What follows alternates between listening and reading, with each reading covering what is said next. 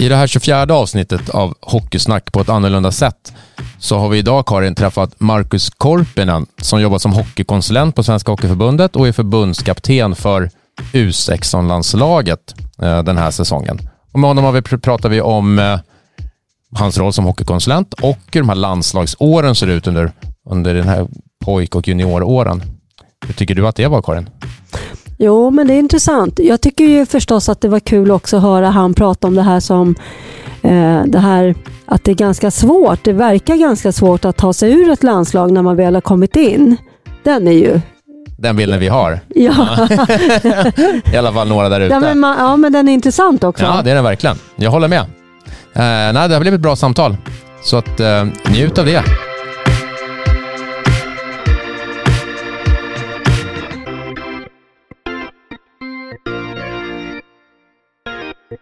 Marcus Korpinen, välkommen till våran podd. Tack så mycket. Tack. Hur mår du? Jag mår bra. Hur mår du själv? Det är bra tack. Det är rätt kallt nu så det är rätt eh, skönt tycker jag faktiskt. Komma in i värmen. Underbart. Ja. Mange då? Jag mår jättebra tack. Ja. Mm. Gillar du kylan? Är du van? Nej, jag gillar ishallskyla, inte kallare. Nej. Fast det är skönt att gå in och värma sig i ishallen också. Det var ju en ganska traditionellt sett kall ishall häromdagen. Uh, och då var det första gången som det var skönt att sitta där i periodpaus liksom, istället Ja. för att gå ut. Men Så du, det är bra. du är väl mest på myren? Eller? Nej, jag är nästan aldrig, jag är typ en gång i veckan på träning. Jaha, okej. Mm. Mest, ja. Det är ju med att jag åker runt och tittar i olika hallar och då är det ju olika värme eller kyla i hallarna. Ja. Och Marcus då? Du sitter mest i ledarrummen eller hur? Var rör du dig någonstans? Nej, jag är också ute på, på isarna. Eh, norra Stockholmsföreningarna, Upplandsföreningarna mest. Ja. Så om vi börjar, om vi börjar där då. Vad, vad är det du gör? Vad är din roll? Ja, jag har många roller. Eh, till grunden är jag hockeykonsulent eh, på Svenska ishockeyförbundet. Eh, hockeykonsulent för, eh, med ansvar då för Stockholm norr och Uppland. Eh, jag har några Stockholm sydföreningar också. Eh, sen är jag också förbundskapten, team 16, 06 i år, killsidan. Eh, ja, det är väl egentligen det.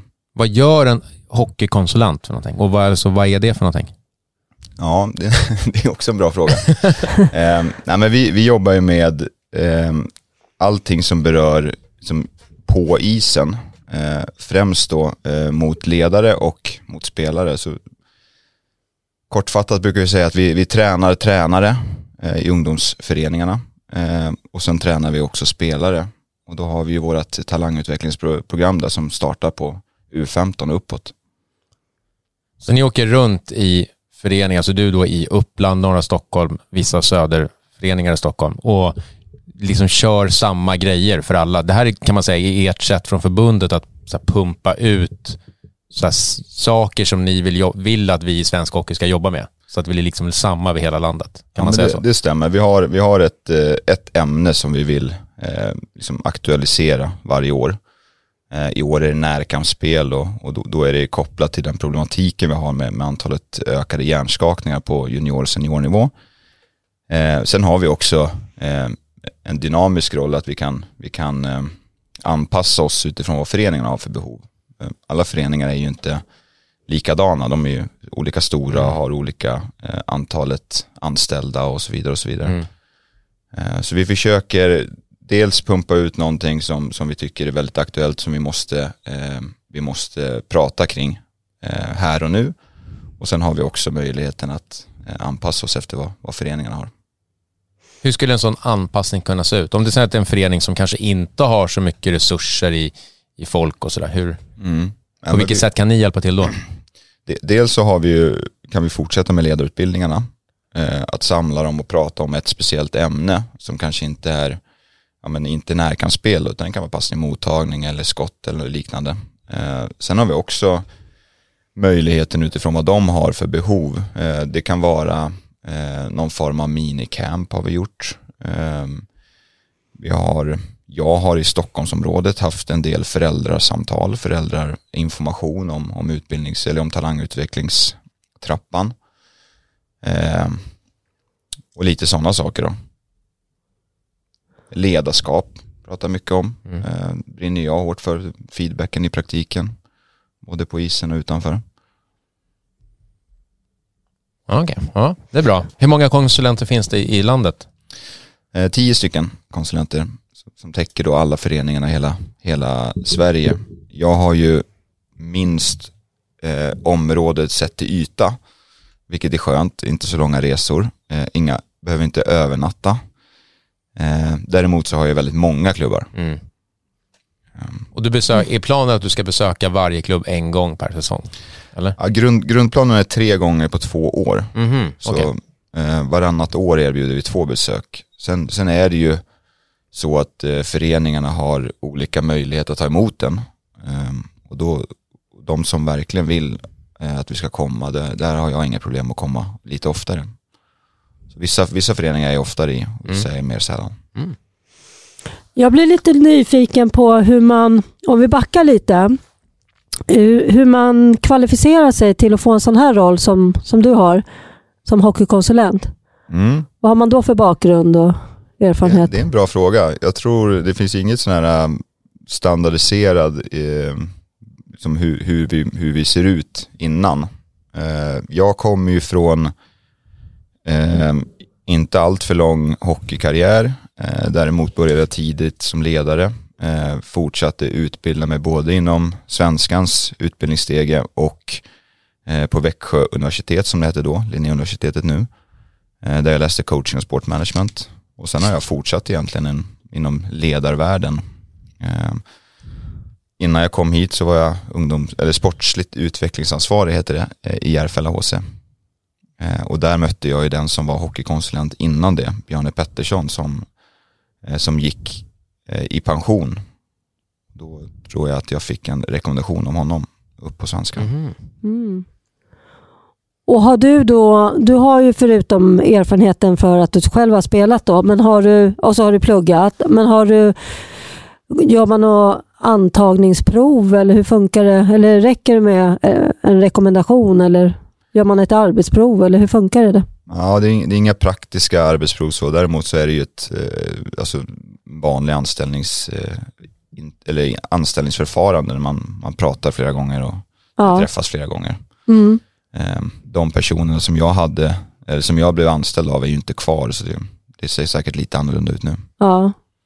Men du säger att du brinner för det här med ledarskap och det vet jag ju för vi har pratat ledarskap du och jag tidigare sådär när du har varit med på TV-Pux eh, eh, när vi har spelat och, Mm. och du har hängt där i bland löst folk tänkte jag säga. Men, men är det något som du själv då kan, kan du, har du utrymme att forma lite ditt, det du vill utbilda inom för att du har ett intresse och en fallenhet då för ledarskapet till exempel? Ja, det vill jag ju tro.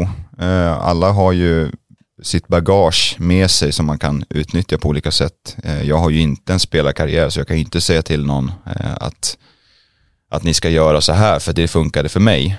Eh, däremot så tror ju jag att jag kan mer jobba mot människan bakom och, och förstå hur saker och ting hör ihop. Och det är väl där jag lägger mitt fokus då. Mm. Naturligt eftersom att jag inte kan berätta. Jag kan inte visa hur man gör en, en, en klasspassning eh, i anfallszon. Det är inga backhand-flip från din sida. Nej, precis. Däremot så vet jag precis hur man ska göra tekniskt. För det har jag läst på. Ja. Det har vi också fått höra om det här med när man åker på armbågar och sådär med balans och vi, hade, vi har haft Ja, ett sånt ämne förut. Ja, Det är intressant. Mm. Ja. Mm. Ja, det är olika Olika filosofier. Ja. Okej, men, men, men och hur tillämpar du det här då? Eh, För jag tänker, om vi, om vi förflyttar oss då till din eh, förbundskaptensroll, hur länge har du haft den? Ja, eh, det är ju min andra säsong nu som förbundskapten. Går jag in på. Eh, men jag har inte åkt iväg på några, på några matcher än. Eh, det började ju med att det stängdes ner allting under slutspelet förra året eh, på TV-pucken. Och vi börjar ju egentligen vår säsong i december, så nästa vecka här då. Eh, så jag har, varit, jag har varit länge, jag har varit med eh, några andra utav eh, landslagen då, både på kamper och, och någon turnering med U20 här i augusti. Men, men jag har inte varit headcoach för något än. Nej, spännande. Mm. Och då tänker man ju så här, det här, nu kommer du tycka att jag är oförskämd, men jag menar inte att vara det. Men, men kan det vara så här att du, eh, du tar de här listorna, eh, statistiken från eh, TV-pucken, från slutspelet och så tittar du där och så plockar du väldigt mycket därifrån. Eller har du mycket koll utanför TV-puckssfären? Alltså, vi har ju, vi har ju ett, ett, eh, en trappa där egentligen med, med TV-pucken och sen har vi regionskamperna, sen har vi elitkampen och sen finkampen där, där egentligen eh, TV-pucken är 530 spelare. Eh, vi ska banta ner det till 136 och sen är det 34 och sen är det 22 då som åker iväg på, på första finkampen och i den bästa av världar så ser det ju ut så att vi behöver inte titta mer än, än TV-pucken för det är ändå 530 riktigt bra spelare. Eh, men hockeyn är ju komplex och det vet vi om. Och, och mm, vad Magnus, eh, hur han ser att han ska bygga ett lag behöver ju inte vara eh, det sättet jag ser att jag ska bygga ett lag eller framförallt till regionskamperna där, där vi bara ska hitta väldigt bra hockeyspelare. Då måste vi se bredare än så. Så vi, så vi försöker ju också att fånga upp de här som ligger, speciellt i Stockholmsområdet och de storstäderna där vi har väldigt många bra hockeyspelare då, då måste vi ju se till att även fånga upp de som kommer utanför TV-pucken. Gotland, de här mindre distrikten eh, som knappt får ihop ett, ett helt lag, ja där behöver vi kanske inte lägga jättestor vikt eh, på de som, de som inte spelar TV-pucken. Mm. Så det beror på lite vilket distrikt vi tittar på. Ja. Mm. Mm, så är det. vad är den första det första som ni från Svenska Hockeyförbundet gör, liksom, när kommer ni in? Du pratar om den här utveckling, eller talangutvecklingstrappan och där TV-pucken då kanske blir den första delen för U16. Men det här börjar, det första ni gör det är våren U15 va? Ja, vad, händer, vad händer då? Där har vi en, en uh, utvecklingskamp då på sportlovet uh, där vi samlar, vi har sju camper där vi samlar 34 spelare. Um, så att, um, ja tanken är väl egentligen att eh, försöka fånga upp hur, hur den årskullen ser ut. Mm. Eh, vi försöker, ambitionen är att ta ut de 34 bästa. Det är väldigt, väldigt svårt första steget. De kommer från olika miljöer. Men eh, ja, det brukar bli en rolig kamp. Där mm. vi kan på något sätt eh, initiera vad det är som krävs att ta stegen vidare därifrån. Mm. Och som du säger, den kampen är ju liksom, den, man behöver ju inte oroa sig direkt för att man inte spelar och är med på en sportlovskamp i U15. Det är liksom, säger ju ingenting egentligen. Absolut Förutom inte. att ni får en liten koll på ändå hur kullen ser ut kanske. Ja, ja men det är många det är spelare inte... som, som, eh, som inte tar sig vidare på U16 fast de har varit med och varit ja. framträdande på U15. Det händer ju väldigt mycket i de åldrarna med pubertet och allting. Det och det vet vi om. Sen har ju vi också möjligheten att, att i de, alltså det är ett forum för oss där vi kan, där vi kan träffa många bra klubbtränare också. Mm. Både att vi kan ta in klubbtränare som instruktörer men också erbjuda en klubbtränarutbildning. Och där upplever jag att vi får väldigt bra, eh, bra samsyn mot det här, vad som krävs. Alltså att eh, det handlar inte bara om eh, flip backhand-passningar eh, eller sköna dragningar utan det finns annat som man måste få med sig. Mm. Hur, tar, hur tar ni ut de här då? Det är ju garanterat många som undrar. Liksom. Ja, ja men vi, där, där måste vi titta, eh, alla, alla hockeykonsulenterna är involverade eh, och vi har ju vårat kontaktnätverk som, som vi utnyttjar. Eh, många distrikt där har börjat med sin tv-pucksverksamhet vilket gör att de kan bidra med, med sina åsikter. Mm. Men egentligen i slutändan så är det ju respektive ansvarig för campen då. Vi är tio hockeykonsulenter vi har sju orter så det är, nästan alla hockeykonsulenter är ju ansvarig på plats. Men de övriga då, de är ju med i, i uttagningarna. Mm. Just det. Så ni tar in egentligen, man kan säga att ni lyssnar mycket, försöker se en del och det är ni som tar besluten såklart. Men ja. att det inte egentligen inte säger någonting om vad som händer framöver för just de spelarna. Eller de spelarna som inte är med. Ja, men precis. Det är viktigt att belysa. Bara. Det är ju, det är ju problematiskt i sig när vi, när vi pratar om att ta ut eh, de bästa när mm. de är mitt i i sin utvecklingsprocess. Ja. Um, vi vet att, uh, ja, som jag så nämnde innan, puberteten spelar väldigt stor roll. Det här med relative age-effekt och allting. Men, men um, det, det, är inte det vi lägger, lägger vikten vid utan vi försöker, försöker fånga upp de som är bäst här och nu. Mm. Bra. Om jag är då i den årgången som du är ute efter och spelar med överåriga, har jag någon form av innevarv då? Ser du mig med då? ja, det är en, det är en eh, typisk föräldraråsikt som brukar rullera Sanning på. kanske till och med. Ja, precis. Eh, den brukar man få till sig ganska ofta. Nej, det, vi har ju absolut ingen, eh, ingen jag, jag, jag, tittar inte på om de spelar med äldre eller yngre eller vart de nu spelar, jag tittar på individen. Eh, där kan jag tycka att för de som säger att de vill bli en väldigt alltså en kreativ spelare eller kanske en målskytt där man behöver mycket puck och få, få tid på sig att göra de här sakerna. Eh, där kan det ju till viss del vara negativt att spela med äldre. Eh, vi har ju många, många spelare som eh, är kreativt duktiga men de hoppar upp så, eh, till, till en nivå där de inte har möjligheten att vara det. Och då tar de ju bort sin spetskompetens och då blir de ju mindre intressanta för oss. Vi behöver ju spelare som sticker ut inom något område när vi ska bygga ett lag. Men de tappar inte sin utvecklingskurva liksom för att de går upp, eller vad menar du? Nej, Nej det gör de absolut inte. Um, och det är, ju, det är olika beroende på vilken individ man pratar om och vilken mm. miljö de har. Men, men liksom den här generella sanningen att jag måste spela med äldre, ja men den, den tycker jag inte, eh, det är inte riktigt så enkelt. Nej. Är det något som du ser att den, för jag vill nästan säga att det är lite stress runt det där. Är det något du ser mer eller mindre av i vissa regioner? Absolut. Eh, Stockholmsområdet, eh, storstäderna överlag. Eh, det är klart att de driver ju lite processen. Eh, där man ser dem att de kommer, det är, det är lite hetare här helt enkelt. Det är fler lag som tävlar om, om att, att vara bäst. Eh, det är framförallt mindre föreningar som har bra lag.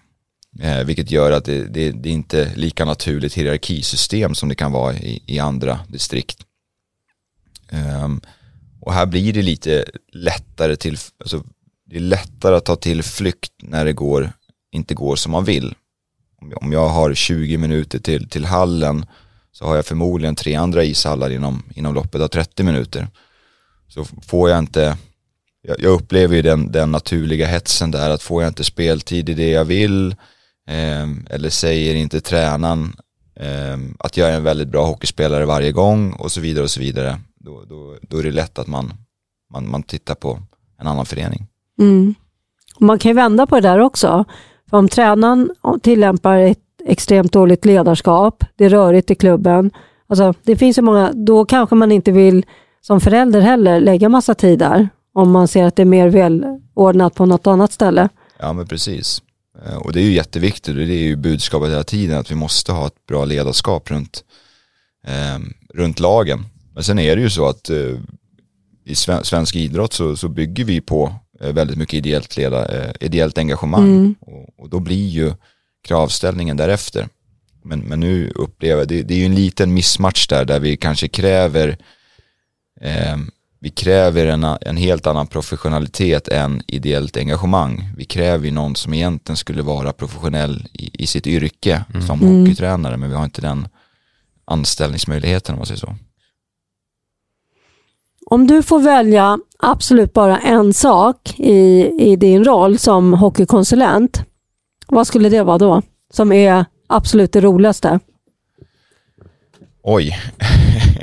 Nej, men det, eh, egentligen är ju det engagemanget man får tillbaks. Alltså att ibland kan man ju känna så här, ja, nu ska jag ut och, och berätta för, vad, för tränare vad de ska göra och det, det kan jag tycka är en ganska, det är en ganska komplicerad, det är en ganska svår eh, svår uppgift. För jag, jag är ju inte där för att eh, klanka ner på dem, eller, utan jag är ju där för att hjälpa dem. Eh, men när man får tillbaka att de verkligen uppskattar det där, eh, det är väl egentligen det. Mm. Eh, jag upplever ändå att vi i Sverige, det är en styrka vi har, att vi är inte så, det är inte så mycket prestige i saker och ting som det kan vara i andra länder. Alltså tränare här, de, de är generellt mer öppna och tar till sig nya saker och, och kanske eh, kunna ifrågasätta sina egna beteenden och, och beteenden runt omkring sig. Mm. det vart vi tysta. Vi tysta. Nej, men det var intressant det du sa. Mm. Ehm, det kanske är så att vi är duktiga på ledarskap generellt liksom i, i Sverige. Jag vet inte. Ja men det tror jag. Mm. Sen har vi också ett annat ledarskap än, än som, vad som kanske tillåts eh, och accepteras i andra länder. Eh, jag tror att övriga världen Eh, är på väg åt vårat håll men jag tror att just det här, ah, jag vet inte om man ska säga mjuka, men just det här med när man mer, mer ser samtalet som, som två parter och inte eh, att det är ledaren som säger vad, vad utövaren ska göra. Eh, där, där, där leder vi lite eh, vägen framåt. Medan i andra länder så kanske de är mer kvar i det, i det gamla ledarskapet. Eh, Men de kommer komma till de kommer komma till insikter de också framöver. Eftersom vi har det rätta. Ja. Jaha. Nej, men det, Det väl så. funkar för oss. Jag håller med. Ja, absolut. Mm. Det gör det faktiskt.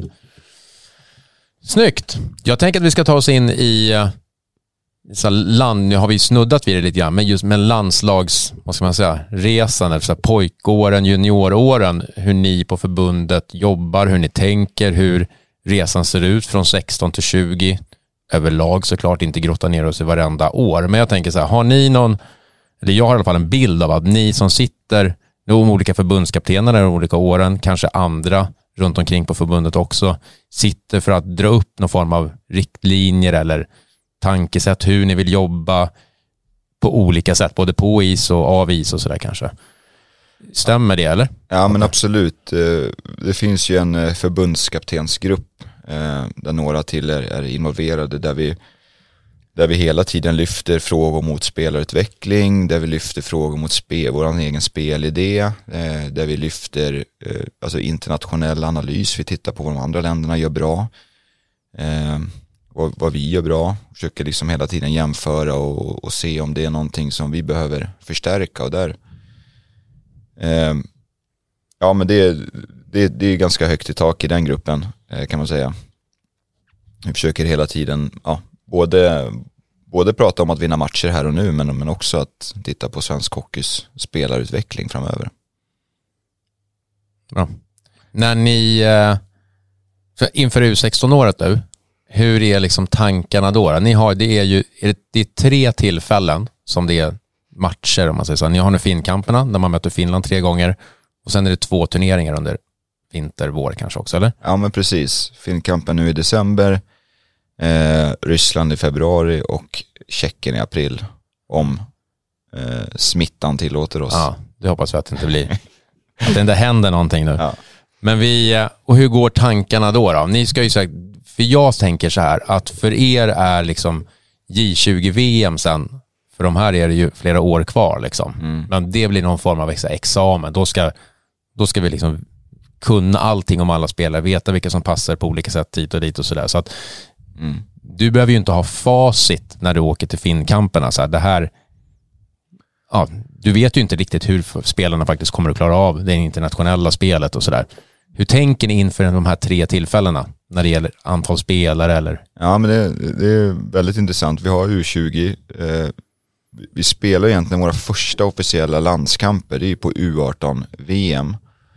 Eh, det vill säga att vi har två och ett halvt år eh, fram tills vår första officiella landskamp. Eh, Vad är en officiell landskamp? Alltså för ni spelar ju massa landskamper under det- 16-17. världsmästerskap då. Ah, okej. Eh, Mm. De andra klassas ju egentligen som träningslandskamper. Eh. Ah, okej. Mm. Även fast de är officiella. Mm. Ah, okej.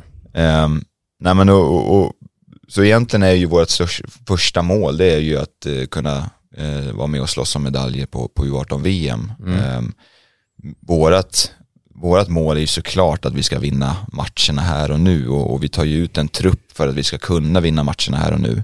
Men vi också, om, om vi tar eh, om vi tar perspektivet och, och sätter i en, i en helhet så så, så blir det ju jätteviktigt dels att vi kan eh, se, och, se så många spelare som möjligt. Eh, och sen också eh, ja, men få, egentligen få så många som möjligt att eh, känna på Mm. eh, vad internationell miljö handlar om. Eh, och också kunna förbereda då, vi vet att det här med, ja, det som vi varit inne på innan, att eh, relative age effekt och puberteten, allting det här spelar ju roll. Vi, 75% av de som spelar U16 spelar inte U20. Eh, det är ju intressant ju. För ja. de som nu inte kommer att göra U16-landskamper och sådär så är ju det Ja. Mm. ja men säger precis. ganska mycket om vad som händer ju. Ja, och där, där måste vi hålla brett. Vi vet att det kommer komma, komma till spelare hela tiden och så fort de eh, studsar upp och gör någonting bra då, då, ska, vi, eh, då ska vi se dem, möta mm. dem. Eh, om vi tittar till U16-året så har vi eh, som ambition att lufta runt 40 spelare. Och det är ganska mycket, om vi, för om vi skulle komma med tre helt separata lag, då skulle vi ha 60 spelare plus målvakter då. Mm. 66. Ehm, men vi, vi kommer gå ganska brett. Sen kan det se lite olika ut. Eh, siffran kan vara både mindre och mer beroende på vad, hur, hur åldersgruppen ser ut. Mm. Eh, sen är det viktigt också, alltså, vi försöker ju, vi, när vi tar ut ett lag så, så vill vi ha ett lag som kan vinna matcher. Och det innebär att vi, vi måste hitta olikheter.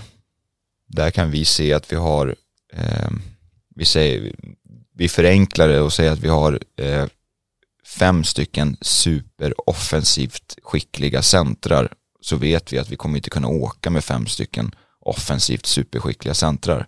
Utan vi måste ju hitta de som kan bidra i andra delar av spelet också. Mm. Men då kanske över tid, över tre turneringar, då har vi fått med de här fem. Har ni, när du är inne på sånt, med så här, att bygga ett lag, är det någonting också som ni sitter i den här eh, gruppen och bestämmer så, här, så att det ser likadant ut? Vi, oavsett om det är 16, 17, 18 eller 20 så ska vi bygga lagen typ likadant?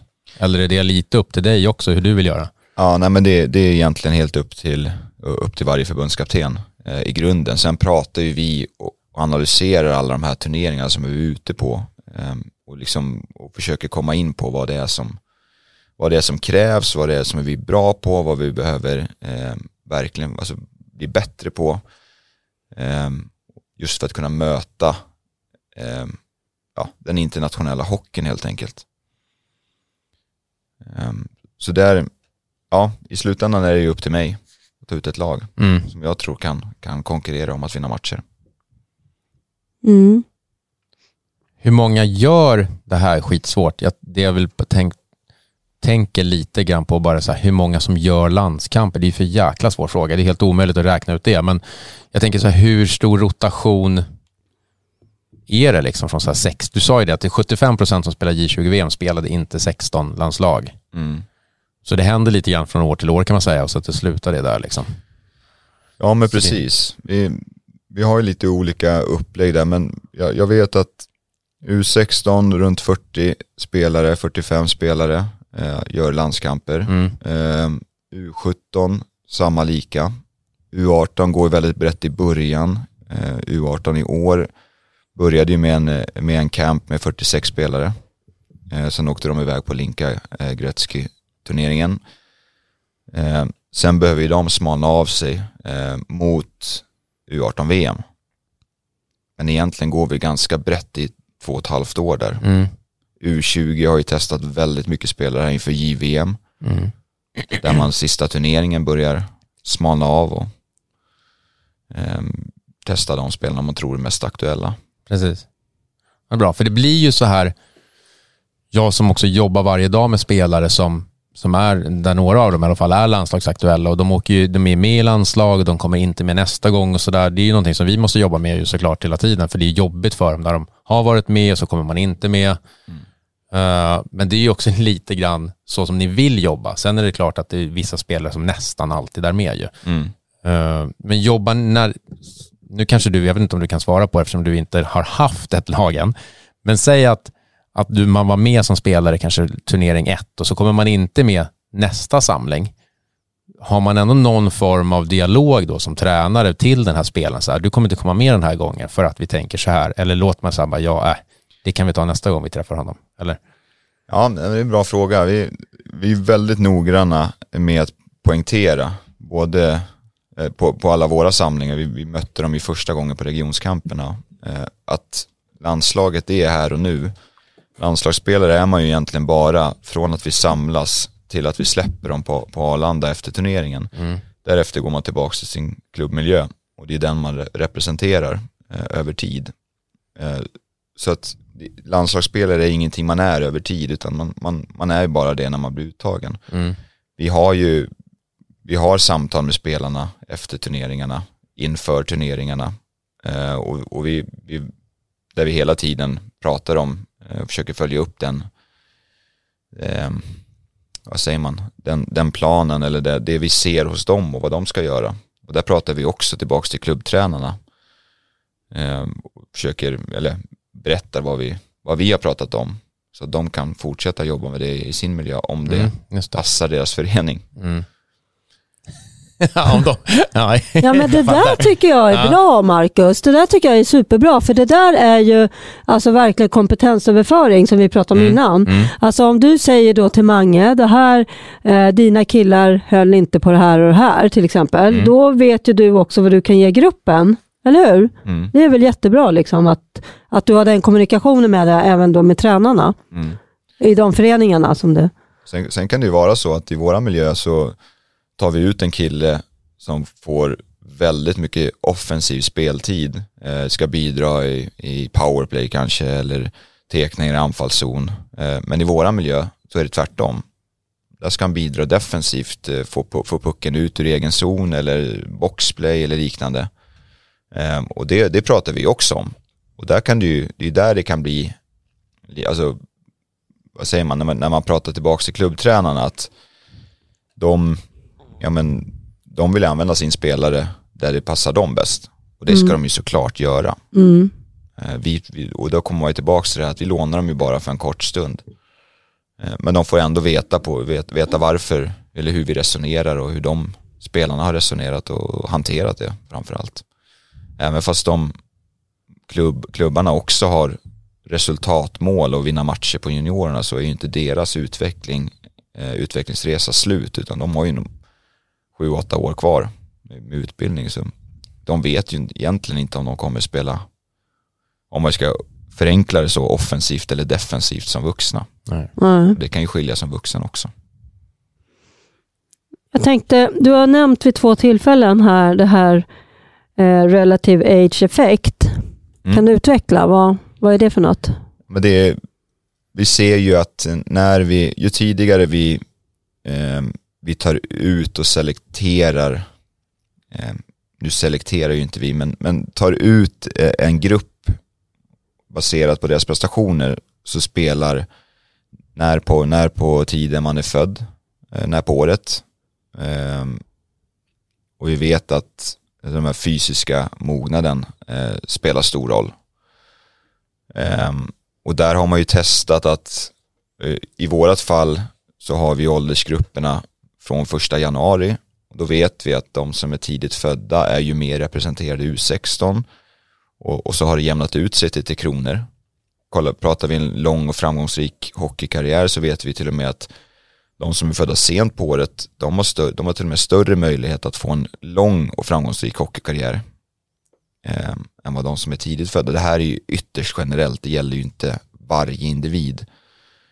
Eh, Jag är född sent på året och det är ju åt helvete för mig ja men du, har ju en, du är ju fortfarande igång. Ja, det är sant. Ja, du tänker så ja, okej. Jag tänkte säga tvärtom. Ja, sorry. Late bloomer. Ja, jävligt late. Ja, men det, så det, är väl, det är väl egentligen det och där, där, där finns det, fotbollen i England har testat att eh, bryta på det där och starta egentligen ålderskullarna från, från augusti istället. Då, då blir det de som är födda i augusti som, som eh, prioriteras tidigt.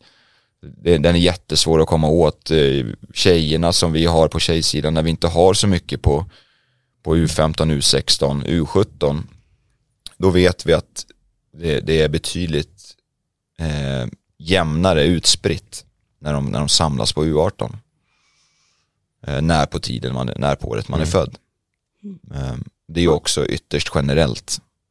Det går inte, att, går inte att gå in på varje spelare och säga att du, men du, är- du är med i landslaget bara för att du föddes i januari. eller Tvek. du får absolut inte vara med för du är född i oktober.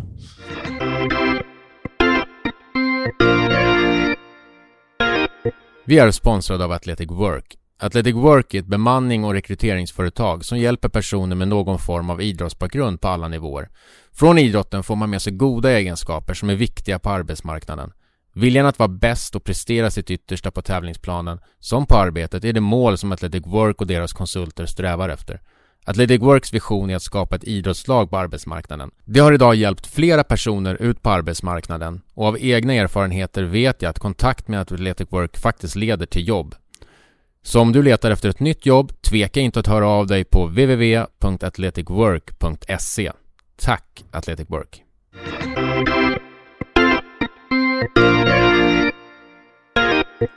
Men jag funderar på en annan sak.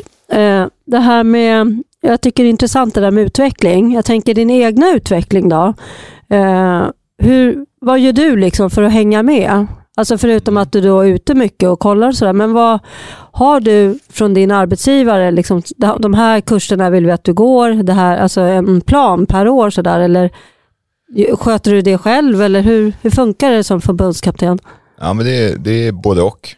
Eh, dels så har vi väldigt mycket forum där vi, där vi diskuterar saker och, och höj, kompetenshöjer oss själva genom varandra.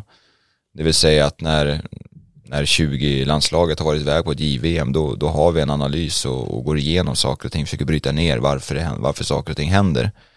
Eh, sen har ju jag möjligheten, eh, eftersom att mycket av mitt arbete är på kvällar och helger, eh, att kunna anmäla mig till någon extra ledarskapskurs uh, här och där. Um, vi har ju via RF ett elitidrottsstöd som de erbjuder kompetenshöjning som jag varit med på några gånger. Vad är det för något? Ja, men det är, är det kurser de Kurser, håller? precis, på mm. Bosön har det varit. Nu har det varit via Teams. Jag gick någon KBT-utbildning här innan, innan sommaren. Annars är det ju, vi, vi, har ju också, vi har utbyte med andra länder. Så jag har varit över till Finland och, och sett deras hur, det funkar där hos dem, både inom förbundet och i klubbverksamheten. Jag har tagit över finnarna hit, visat upp Manges Djurgården bland annat. Um, och sen har vi haft lite, några andra konsulenter har varit iväg i USA. Amerikaner är på väg hit nu. Så vi, vi, vi jobbar väldigt brett på det sättet. Uh, försöker hela tiden zooma ut och förstå varför saker och ting uh, sker allting är ju inte så enkelt som att det, det, vi behöver ge alla ledare en ny övning så får vi eh, nya spelare. Nej. Sen miljön runt omkring påverkar hela tiden. Men det här utbytet då med andra länder, är det, eh, har du möjlighet att liksom välja där själv eller är det? Nej, det är via, via förbundet då. Ja, så man bestämmer, nu tar vi rygg på de här spelarna eller på de här länderna och ja, jobbar. Ja, det är länderna som, som eh, i det här fallet då har pratat samman. Mm. Vi, vi står väldigt nära både Finland och USA i, i värderingar och därför blir det naturligt att vi samarbetar i både att vi, vi reflekterar över andras verksamheter men, men också i, i vissa, eh, vissa projekt då. Vi har ju spelformer som är ett, ett eh, hett ämne här i Sverige och där är ju både amerikanerna och finnarna eh, delaktiga på något vis, mer eller mindre. Och jag mm. tänker sådana här länder då som har tagit sig upp och blivit väldigt duktiga på, jag vet, kan inte säga över tid sådär hur lång tid, men inte, är de intressanta att förstå vad är det de har gjort för att höja sig så markant? Mm, absolut, vi försöker hela tiden ha tentaklarna ute.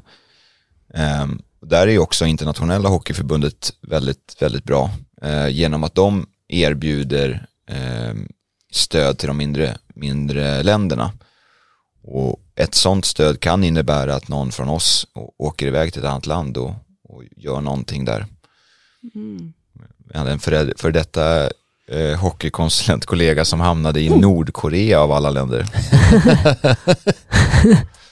Har de samma ledarskap där som vi har? Ja, inte, inte riktigt. Jag vet inte om eh, varken han eller, eller jag skulle våga mig dit eh, som det ser ut nu, men Eh, det är alltid intressant att, att, se och förstå eh, hur saker och ting uppstår. Mm. Ett sidospår Ja. bara, som egentligen inte hade med det här avsnittet att göra, fast jag tycker att det är intressant när du säger att du har varit i Finland och sådär. Om du bara får säga så här, största skillnaden mellan Sverige och Finland egentligen, oavsett egentligen vad, hur man ser, hur man jobbar eller hur, man, hur det är upplagt eller ja, du får välja. Ja, nej men finska värderingar är ju väldigt lika svenska. Alltså pratar vi förbund så, så gör vi väldigt mycket samma, samma lika. Sen har ju de en, en annan miljö som de verkar i. Eh, vi diskuterar ju eh, på riktigt om, om vi verkligen ska selekt, göra en selektering eller en uttagning på U16. Eh, de förstår inte att det är dramatiskt att göra det på U13. Eh, där är de ju lite mer ryskinspirerade eller vad man ska säga. Mm.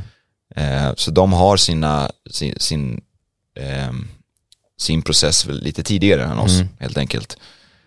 Sen har ju de valt att kanske ta tag i sin ishallsproblematik på, på, genom att de själva bygger, till, alltså bygger arenor, bygger Alltså ishallar. klubbarna själva klubbarna. Ja.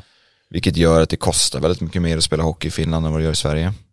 Ehm, och där tror jag inte att vi skulle kunna ta efter. Men det är klart att man tittar ju, man är ju lite avundsjuk när de kan presentera att de har tio heltidsanställda tränare i en förening. Mm. Ehm, men, men, Men Som då egentligen bekostas av de aktiva i föreningen. Ja men precis. Mm. Okej. Så det är väl egentligen den största skillnaden. Mm. Eh, jag tycker också att eh, finnarna har ju via skolan då erbjudit de sina eh, elever att om de ska, slutar de klockan ett på sitt, eh, på sitt schema då har de via regeringen krav på att kunna erbjuda dem eh, aktiviteter. Och då blir det fysiska aktiviteter. Vilket gör att det finns många klubbar som har heltids eller de har anställda coacher men då är de coacher på kvällarna och så är de de här, jobbar med de här fys- fysiska aktiviteterna på, på eftermiddagarna. Eh, vilket gör att finnarna rör på sig mycket mer. Mm. Det är som så här fritids med rörelse. Ja, Ja. ja men precis. De har Vad ju bra. det. Eh, en spontanidrott, eller om man- nu ska kalla det det, Mm. men organisera spontanidrott på ett, på ett annat sätt än vad vi har i Sverige. Ja. Mhm. Den där selekteringen, vi ute, du säger ju att det, för dem är det liksom inte, de kan inte förstå att det är dramatiskt. Och då antar jag att det är så inkört hos dem så att de är inte liksom rädda. De märker i alla fall inte av att de tappar spelare vid den åldern. Där är det så inkört att man säger bara, ah, nu togs de här ut i U13. Skit i samma. Vi Mm. kör på bara. Mm. Är det, där är det mer Sen, sen så. arbetar ju såklart klubbarna lite olika. De är också självständiga. Eh, Mm. Men de har ju ett eh, paraplysystem där, de största klubbarna ansvarar för närliggande mindre föreningar. Okej. Eh, Vilket resulterar i dels att de är ute i de här mindre föreningarna och, och hjälper dem med, skillsträning och, och liknande.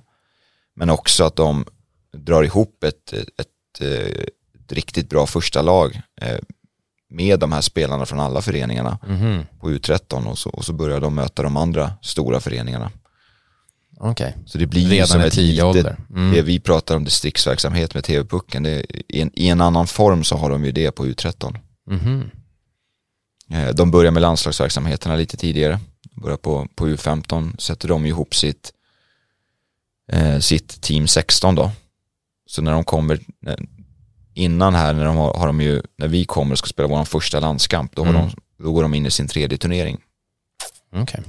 Nu tror jag att efter eh, pandemin så tvingades de att skjuta upp det där.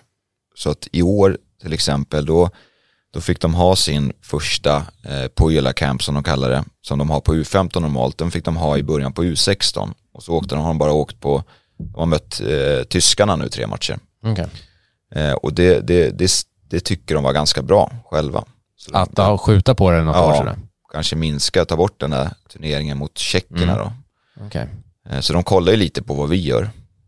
Ehm, Ja, det där är Mm. intressant tycker Ja, jag. verkligen. Mm. Och jag tycker också att det är intressant för jag tänker så här när du berättar om allt det här Marcus, att det låter nästan som du lever lite din dröm liksom.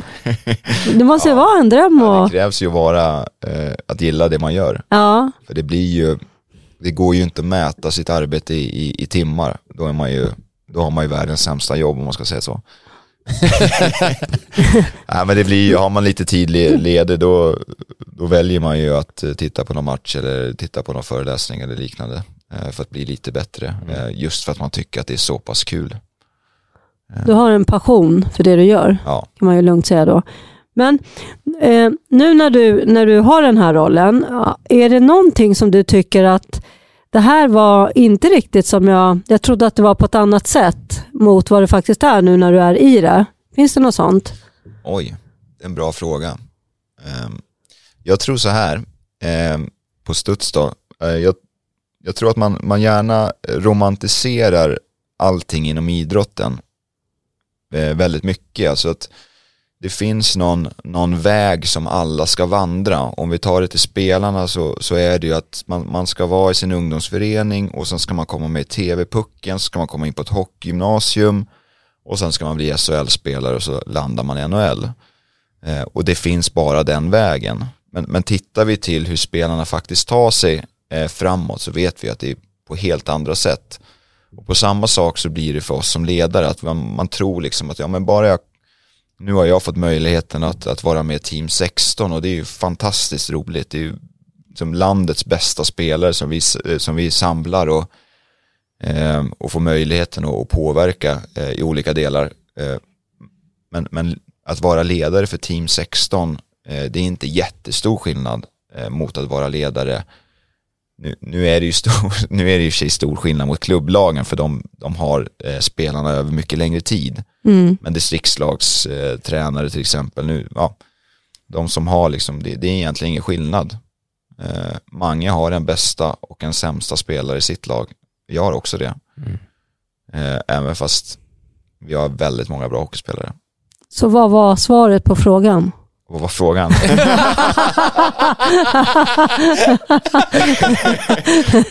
ja, ja, Någonstans där måste ju svaret ha funnits. ja.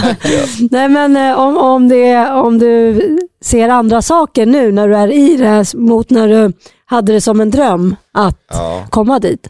Som, Nej men det är väl just att eh, det är ju fortfarande man, man blir ju aldrig klar på något sätt. Man, man, man jobbar ju på samma sätt nu som man jobbade som, som klubbtränare eller som eh, sportsligt utvecklingsansvarig där i Järfälla då. Eh, man, man jobbar hela tiden, mm. alltså i huvudet då. Inte fysiskt men, men eh, man försöker hela tiden hitta sätt att, att skapa en bättre miljö. Så det, det är väl frågan, eller Ja. svaret menar jag. Ja. Frågan var otydlig tycker jag. ja, ja, ja. Jo, men så var det. Det var en dålig fråga. Jävla dålig fråga. Men sjukt bra svar. Ja. Ja, nej men vi har ju en till väldigt svår fråga faktiskt. Nej, jag har en innan, är det Eller- slutfrågan? ja. Jag har en. Ja, Ja. kör. Jag, jag ibland, ja, jag, kan, jag, kan sta, jag ställer mig i den här skaran som ibland kan känna så här, det är fan svårare att komma ur landslagsverksamheten än att komma in i ett landslag. Mm. Så har jag känt ibland. Mm. När jag tänker på spelare. Mm. Jag förstår att du kommer ju svara Så, nej, om, så är det om inte. vi bara Men- utvecklar den frågan som man förstår. För, Ja. för eh, Marcus förstod ju inte min fråga och Nej. den här är svår att förstå I som alla fall, för lyssnare. den kom från ingenstans också. Eh, typ. så Det är som det, ett påstående. Ja. nej, men det du menar är ju att är man väl inne i landslaget så är det nästan svårt att komma ut ur landslaget. Alltså svårare att komma ut ja. än att komma in ute som ny. Ja, bra Karin, bra förtydligande. Ja. Och du kommer ju såklart svara så här, nej det är det inte. Men kan du förstå att snacket går lite så? Nu har Mange tagit nä nästa nivå så nu ställer han frågan och svarar själv. Jo, men jag känner ju att det blir så givet svar, men det blir ändå... jag vill ändå provocera med den, för så känner jag fan ibland. Ja, nej det är det inte. Punkt, Nej. punkt. men men jag, jag har fått det till mig eh, på många, många, från många olika håll. Mm. Och, och jag, kan, jag kan förstå, eh, framförallt på målvaktssidan har vi haft, eh, eh, har vi haft det, alltså många målvakter som har varit med eh, i många turneringar. Vi försöker ju hela tiden påminna oss själva att vi, att vi behöver titta bredare och att vi inte är påverkade av tidigare prestationer och tidigare resultat. Eh, sen är det ju så här att när vi åker, som, som nu när vi, när vi åker till Finland, nu har vi faktiskt eh, eh, dubblat antalet träningar innan. Vi kommer ha två träningar istället för en. Wow. Ja, och då, då blir det ju att ska vi få en, utmaningen är ju att få alla och, och, och liksom arbeta tillsammans in, enligt en, en spelbok eller vad man ska, vad man ska kalla det. Eh, att ha med sig en, en kärna av spelare som kan eh, hjälpa de nya spelarna in, Mm. det blir ju jätteviktigt.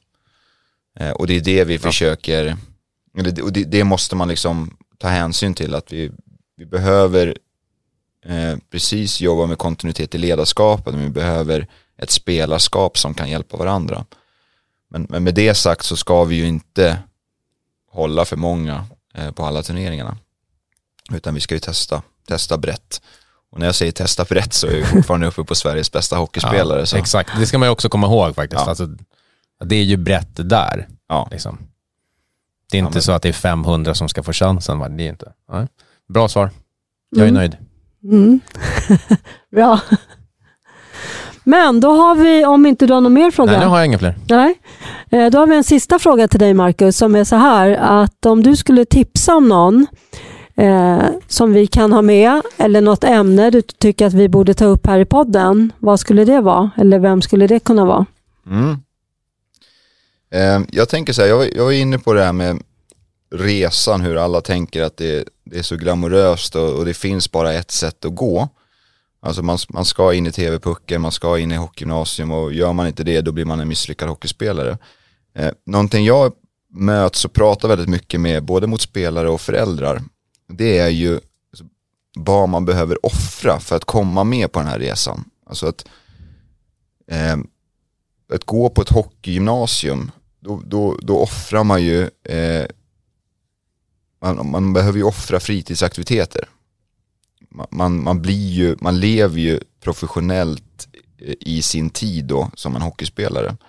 Och det kan man ju, det, det påverkar alla, alla olika. Vissa, även fast man tänker att när man är på 15-16 år så tänker man att ja, hockeylivet, hockey är kul. Men det är en jäkla skillnad på att tycka hockey är kul och att hockey ska vara livet i tre års tid. Eh, och det gäller att kunna hantera det och, och respektera det, att det här kanske inte är för alla. Och då tänker jag, det här blir lång, långt utlägg, men, men att, vi, att man också behöver, kan lyfta de här äh, tuffa sakerna i elit eh, miljön. Och det har vi pratat lite om Mange innan, att det finns ju spelare som har hoppat med på det här, men som har mötts av, av olika motgångar eh, som man hanterat på olika sätt. Mm.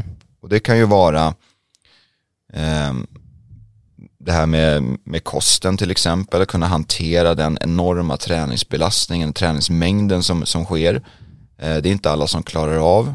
Ehm, välmåendet att flytta hemifrån i så unga åldrar. Eh, det är inte alla som klarar av. Och, och där finns det ju spelare då som har, eh, som har, vad säger man, eh, som, som har gått igenom de här motgångarna. Eh, och det finns, det har vi, det har ju många, du har ju också Mm. koll på det, Mm. vilka de är. Mm. Men att kanske få spelarperspektivet som har gått igenom de tuffa eh, motgångarna och hur de ser på sina val in, inför det. Mm. Och hur man tänkte inför, som du var inne på i början, så här, förstår man egentligen vad det är man behöver Ja. offra och lägga ner? Ja, och är man beredd, Ja. är man på riktigt beredd att göra det? Mm. Men är inte det en sån här sak, det där är intressant tycker jag det du tar upp, men är det inte också så här om man är första gångs hockeyförälder och så vill grabben till Timrå, vi tar det som ett exempel, lämna Stockholm. Eh, då är det ju svårt, alltså vissa saker behöver man ju göra för att förstå, eller hur? Ja men precis, precis. Och, ja, förlåt. Nej men och, och, och, så kan det vara. Vi vet ju inte riktigt. Det, det där behöver man ju dels som, som förälder verkligen ställa de rätta frågorna till sitt barn. ja. Eh, men, de, men också kunna våga liksom, stå emot att ja, men jag tror inte att det här är rätt för dig.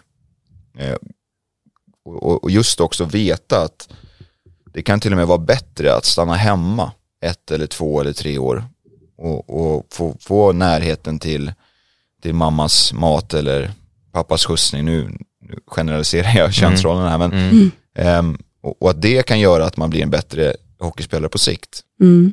Och det finns ju många som har gjort det. Eh, Gustav Lindström valde, var, hoppade ju inte på Almtunas hockeygymnasium eh, till exempel. Utan han, han var med på kvällsverksamheten men sa ifrån, jag, jag orkar inte, jag tycker inte att det är tillräckligt kul. Eh, han är i NHL nu. In, in, han, han, han spelade ju också med Östervålas division 3-lag här när eh, inför sin pre-camp i, i NHL medan alla andra åkte på skillsträningar och, och, och sådär. Spelade han hockey med division 3-gänget. Mm. Eh, det finns massa, massa, massa sådana exempel på, på resor som har gått olika vägar. Um, och de belyser, upplever jag att vi belyser ganska ofta. Men, men eh, det behövs ju belysas ännu mer. Men får, vi får ju sällan höra det från spelarna direkt. Det är ja. det jag tycker är intressant att sitta med spelare faktiskt som ja. har ja, men upplevelser och erfarenheter, både från de som såklart som, som kanske inte har orkat mer av någon olika anledning, inte har funkat och vissa så funkar det ju faktiskt för ja. också. Så det är ju liksom inte svart eller vitt ungefär. Det, är ju, det finns ju en, en stress och press eh, runt spelarna när de kommer upp på, på den här nivån eh, och ska förbereda sig för en, en kommande eh, elitidrottsmiljö. Eh, och det måste man ju ta på, ta på allvar att mm. kunna lära sig hantera. Mm. Och har man svårt så, så, är man, så finns det en förståelse för, att man är 15, 16 eller 17 år. Då är det bättre att vara lite långsam i. Stanna och, hemma längre. Och det där blir ju mycket mer också trovärdigt om, om det kommer från eh, spelarna själva än att vi sitter här, jag som förälder, du som eh, i din roll som förbundskapten, du i din roll som tränare. Det får ju inte samma fäste, så är det ju. Mm. Mot om, om vi hade haft en eh, Gustav Lindström då som hade berättat om sina val och varför. Mm. Mm. Så är det ju. Så det är ju ja, men precis. jätteintressant. Mm. Bra Marcus. Stort Bra. tack för tipset. Stort tack. tack för att du kom hit, eh, hit till oss idag och pratade om din roll som, som uh, hockeykonsulent och hur ni jobbar och tänker i förbundet och hur du jobbar och tänker i förbundet och sådär, eller med landslagen och hur resan ser ut. Snyggt hörni, vad bra. Stort tack till uh, er som har lyssnat också. Vi hörs.